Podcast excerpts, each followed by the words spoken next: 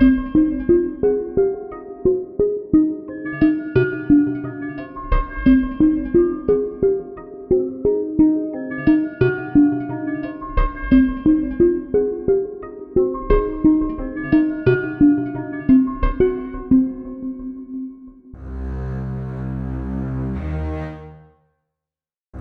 virvlarna eller avgrunderna som uppstår när vattnet sjunker undan har en storlek och en styrka som problemlöst greppar tag i varje fartyg som kommer inom räckhåll.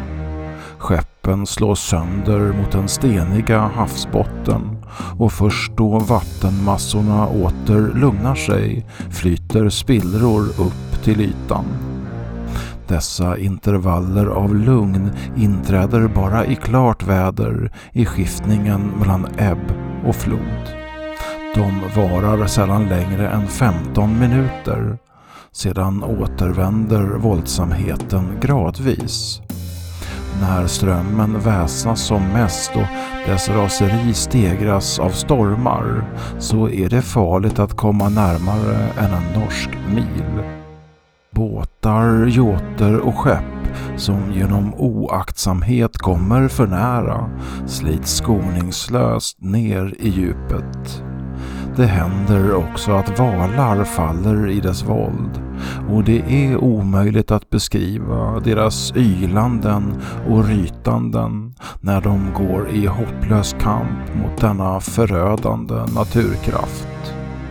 En björn som försökte simma mellan Moskö och Lofoten fastnade i strömbilvens grepp och röt så fasansfullt att hans rytanden överröstade havet och hördes ända upp på land.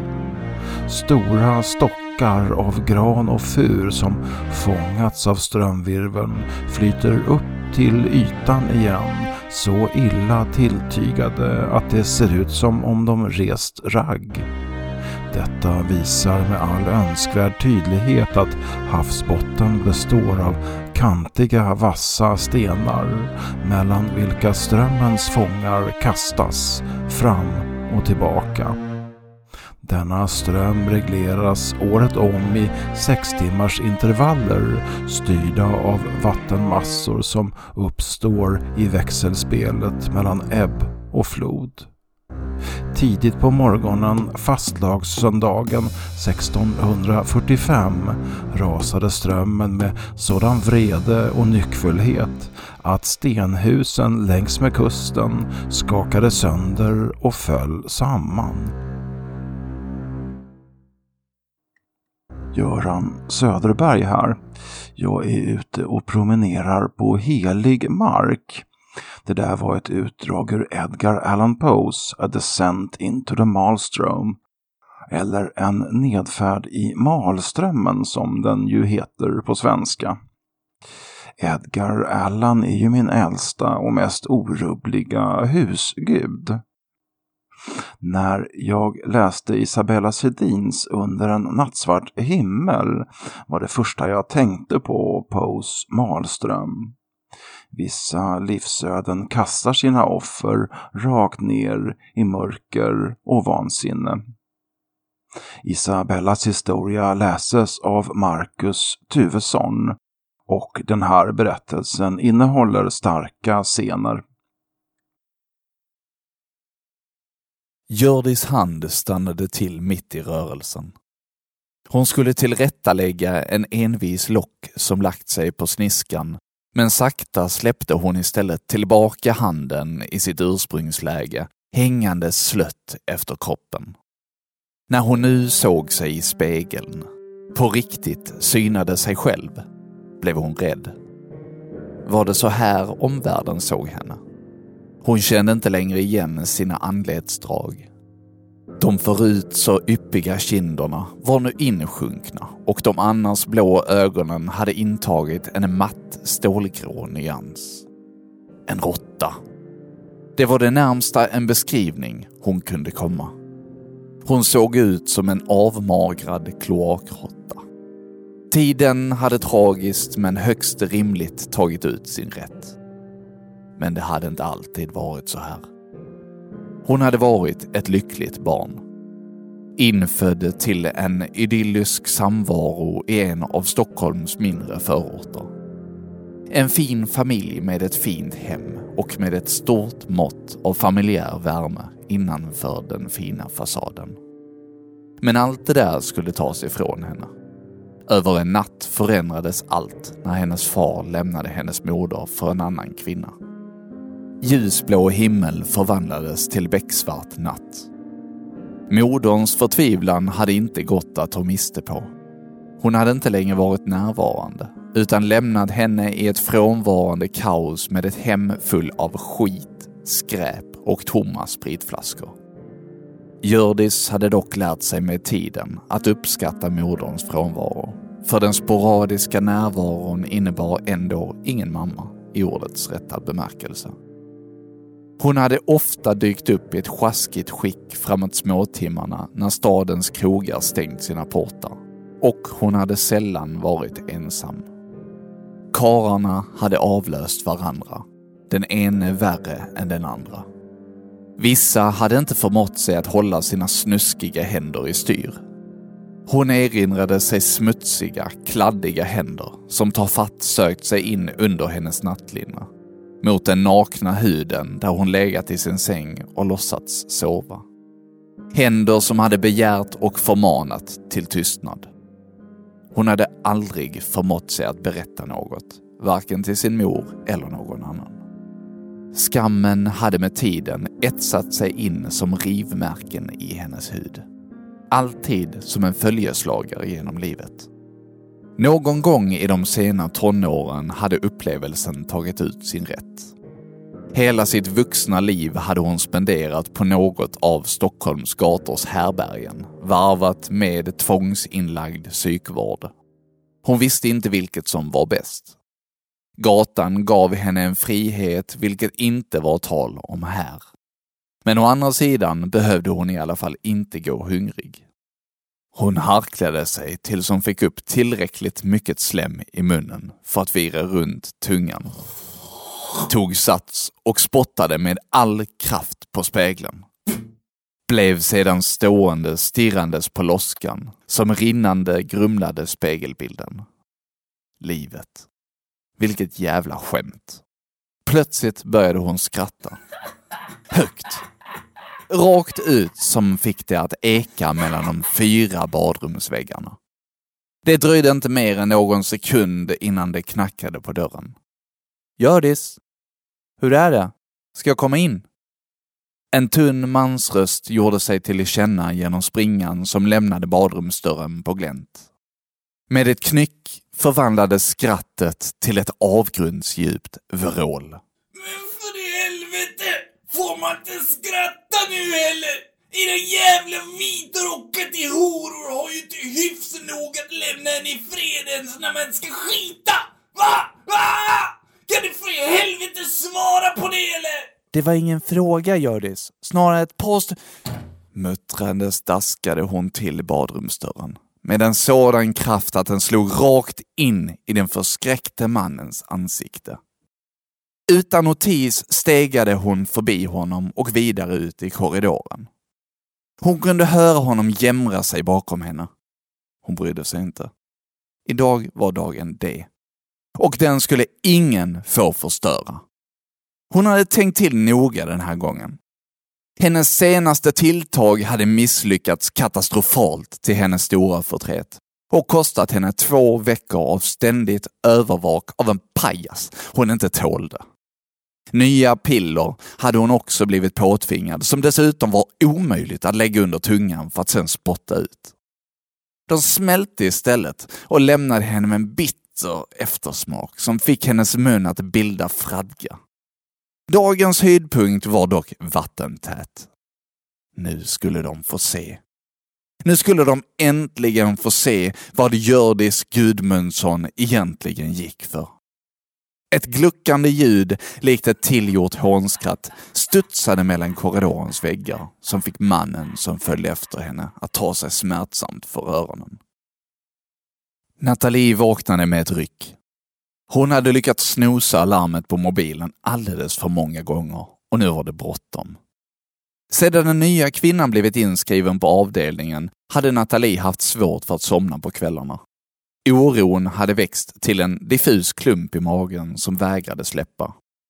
Hon kunde inte sätta fingret på vad det var, men kvinnan fick henne att känna sig osäker i sin yrkesroll, trots hennes långa erfarenhet. Hon gillade inte.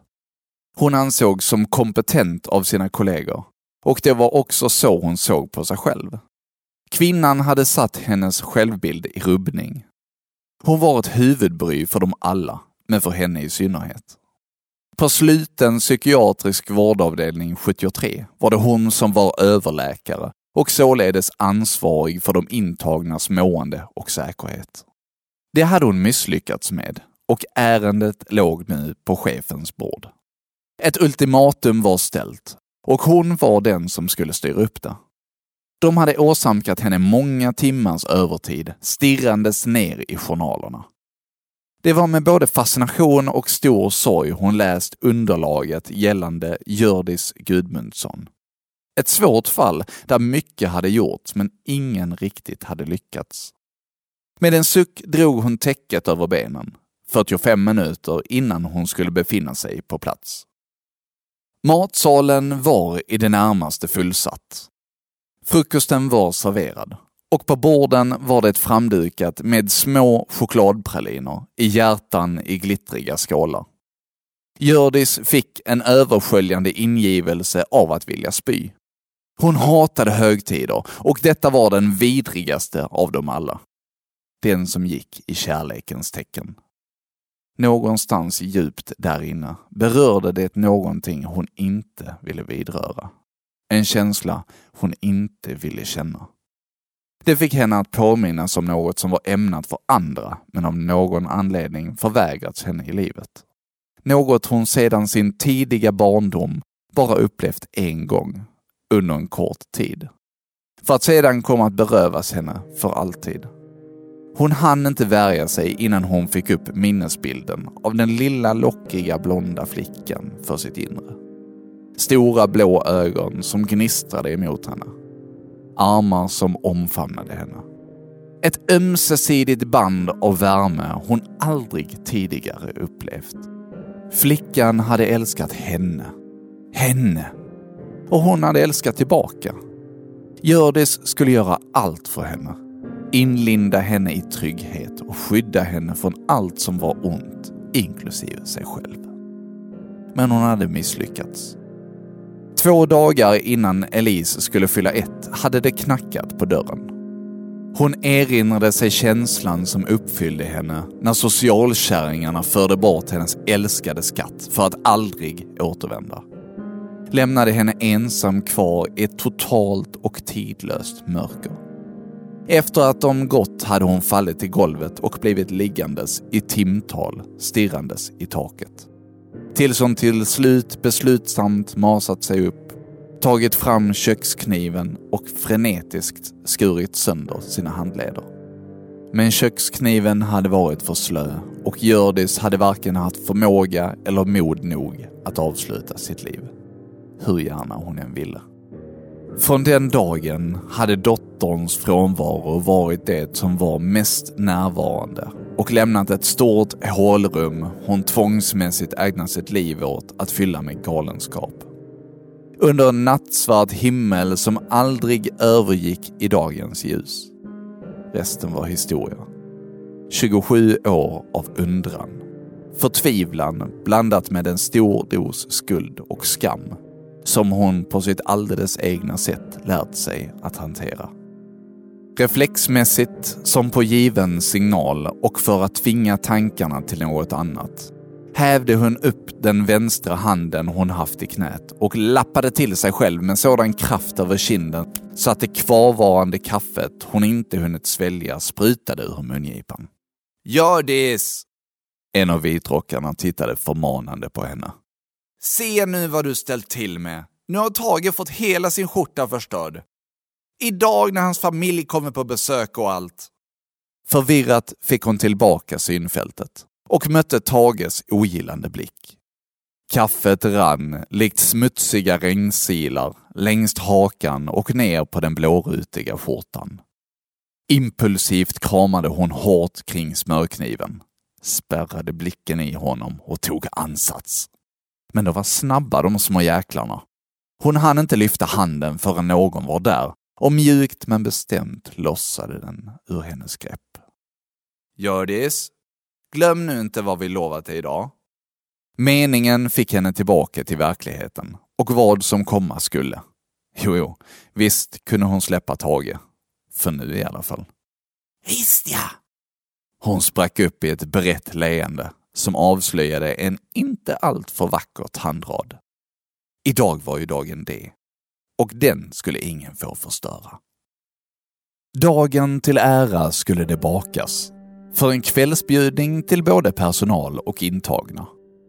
Nathalie hade först inte tyckt det var ett bra förslag att låta Hjördis få hjälpa till, men hon hade till sist gett med sig. Hon hade så innerligt och uppriktigt framlagt sin önskan. Kanske skulle det ge kvinnan en mysig stund för samvaro och gemenskap som gynnade både henne och omgivningen. Kanske skulle hennes stridslystna attityd kunna övervinnas trots allt om hon bara kunde känna sig lite delaktig. I köket var alla ingredienser framtagna och musik strålade från den lilla högtalaren som stod vid diskbänken. Hjördis tvättade sina händer omsorgsfullt i slasken och snörde på sig ett förkläde. Det hon hade lagt i sina byxfickor, som nu så fint kamouflerades av förklädet, brände med sina sylvassa kanter in i låren. Hon mös. Det hade såklart sett ut som en olyckshändelse. Men sanningen var att Hjördis häromdagen med flit hade korsat glaset. Innan någon hade reagerat hade hon snabbt fyllt sina händer med splittret och tryckt till dem hårt så knogarna vitnade. Sedan hade hon sprungit till toaletten medan de andra tog fram skiffen och omsorgsfullt virat in skärvorna i papper. Hon hade förvarat dem längst in i byrålådan vid sängen. Där hade hon fått ligga till stunden var kommen. Hon hade haft kraftig sveda i händerna i flera dagar, men det bekom henne inte anmärkningsvärt. Hon nynnade högt med i musiken medan hon funderade över hur hon bäst kunde avleda personalen medan hon gjorde sin manöver. Hon hann inte tänka länge. Plötsligt hördes ett öronbedövande tjut. Larmet gick. Det betydde att alla så snabbt som möjligt skulle ta sig till sina rum. I tumultet som uppstod erbjöds det en chans för Hjördis att obemärkt sätta sin plan i verket. Snabb som en vessla körde hon ner handen i byxfickan. Fångade upp så mycket av splittret som fick plats i hennes hand och blandade ner i den kletiga massan som skulle rullas till chokladbollar. Just som hon skulle veva om sleven ett tredje varv hörde hon sitt namn utropas med hysterisk stämma. Nu! Du måste komma nu! Följ med här med en gång! Motvilligt släppte Hjördis sleven och makade sig ut genom köket. Det var full kalabalik i matsalen och korridoren skulle utrymmas. Med vitrocken som slet i hennes arm kunde hon inte annat än att motvilligt skynda sig ner för korridoren. Ett skrikande ljud växte sig allt starkare ju närmare sitt eget rum hon kom. När hon passerade rum tre kunde hon inte stilla sin nyfikenhet utan stannade till och stirrade in i rummet. Tage skrek för full hals förvrängt och ansträngt på ett sätt som saknade beskrivning. Den kaffeindränkta blårutiga skjortan hade färgats röd och det behövdes tre skötare för att hålla fast honom vid sängkanten. Alltså, han hade försökt nu igen och såklart misslyckats, tänkte hon stint. Hjördis fnös till. Jävla loser. Det kunde han gott ha. Men vad fan Tage, du kunde väl vänta till familjen kom så kunde de få beskåda härligheten. Fått sig en liten överraskning dagen till ära. Hon fick ett pillemariskt flin som spred sig över ansiktet. Ha, det fick han minsann tåla. Skärp dig! Vitrockens hand blev hård och hon kunde inte hålla emot när hon föstes in i rummet. Säg till när det är dags att göra färdigt negerbollarna, är du snäll. Twittrade hon glatt innan dörren smälldes igen bakom henne. Hon kunde höra ett dovt svar där ute. Chokladbollar? Det heter chokladbollar! Nathalie kliade sig bekymrat i håret. Lade en lugnande hand på Tage. Hans hals hade blivit inlindad och han hade fått en injektion med Ciprexa som han somnat gott på. Hon hade fått ringa de anhöriga för att skjuta upp besöket och obehaget i kroppen efter samtalet ville inte riktigt släppa. Alltid var det något som hände. Man visste aldrig hur dagarna skulle se ut och det var svårt att planera något bestående. Nu fick hon dessutom ställa in den trevliga kvällstunden tillsammans med gemensam fika i matsalen. Hon avskydde att göra andra besvikna. Men det kändes bara inte rätt att genomföra det när Tage precis försökt ta livet av sig. Hon tittade ner på pincetten hon hade i handen. Att en sådan liten sak kunde ställa till med så mycket oreda. Nej, de fick äta på sina rum istället. Och så fick personalen färdigställa fikat. Så fick det bli. Hon återvände till det lilla kontoret längst upp i korridoren. Satte sig suckandes på stolen för att återgå till sitt arbete. Den unga kvinnan strök det lockiga blonda hårsvallet från ansiktet och steg ur taxin. På ena armen bar hon en svart handväska i skinn och på den andra sin snart ettårige son. Hon rättade till kjolstyget och lyfte blicken mot den höga byggnaden och granskade den. Det är alltså här hon befinner sig, tänkte hon. Tanken på alla dessa år hennes moder med jämna mellanrum haft sitt hem här fick att sticka till i bröstet på henne. Men hon hade inte vetat. Hon kände tårarna bränna innanför ögonlocken. Det skulle bli ändring på det nu. Hon blinkade snabbt bort vätskan och vände ansiktet mot sin son. Kom vännen, nu ska du få träffa din mormor. Hon kysste pojken ömt på pannan, tog ett djupt andetag och stegade sedan med bestämda steg mot huvudentrén. Nathalie hade blivit sittandes alldeles för länge. Det kände hon när hon trött och smärtsamt skruvade på nacken. Hon skulle precis resa sig för en välbehövlig rörelsepaus när det knackade på dörren. Kom in! ropade hon häst. En från personalen uppenbarade sig i dörröppningen. Ja, jag vet att det inte är besökstid nu, men en kvinna är här och propsar på att få träffa Hjördis Gudmundsson. Nu med detsamma.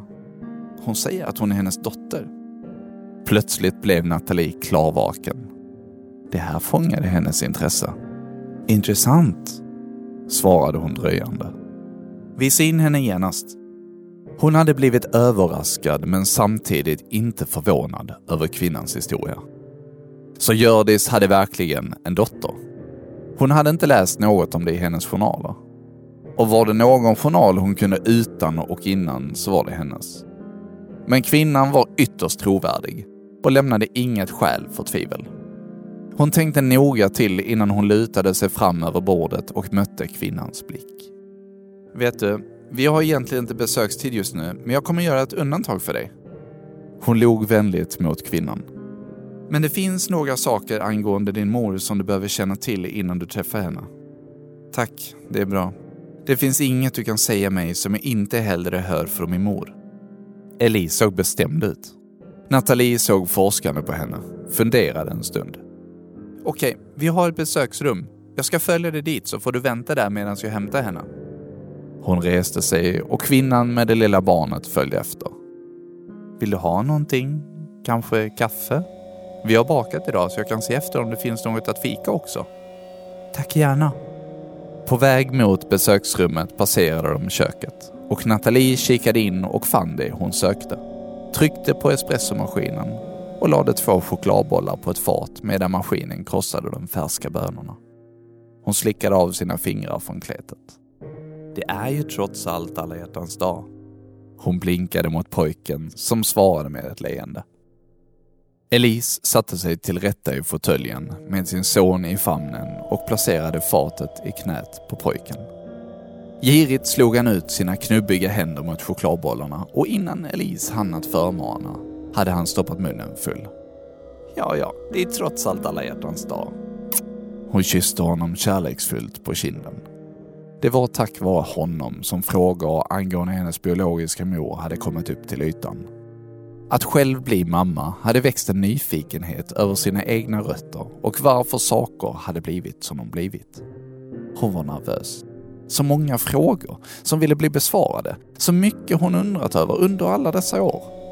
Hon var så uppe i sina tankar att hon först inte noterade när pojken började kippa efter luft. Han satt fortfarande i hennes knä när hon kände något droppa på handen. Hon stirrade ner och stelnade till när hon såg vätskan som i ett allt stadigare tempo rann ut över hennes handled. Hon vände hastigt på honom, såg att han kämpade med att få luft samtidigt som han grimaserade illa med den lilla munnen som nu färgats alldeles blodröd. På väg ner mot korridoren och rum 5 hade Nathalie blivit uppehållen av en kollega för att diskutera Tages omvårdnadsbehov, fortsatta vistelse och åtgärder. Det hade tagit sin tid. När hon nu lämnat samtalet och tog sikte på femman blev hon ståendes i rörelsen till att öppna dörren när hon hörde någon som vrålade. Plötsligt uppenbarades kvinnan med den lilla pojken. Jag måste till akuten! Skrikandes sprang hon längs korridoren mot avdelningens utgång.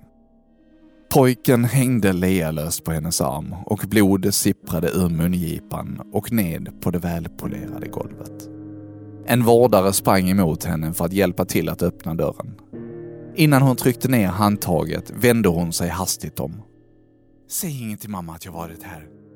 Nathalie nickade vagt och blev mållös ståendes kvar och följde kvinnan med blicken när hon försvann ut genom dörren.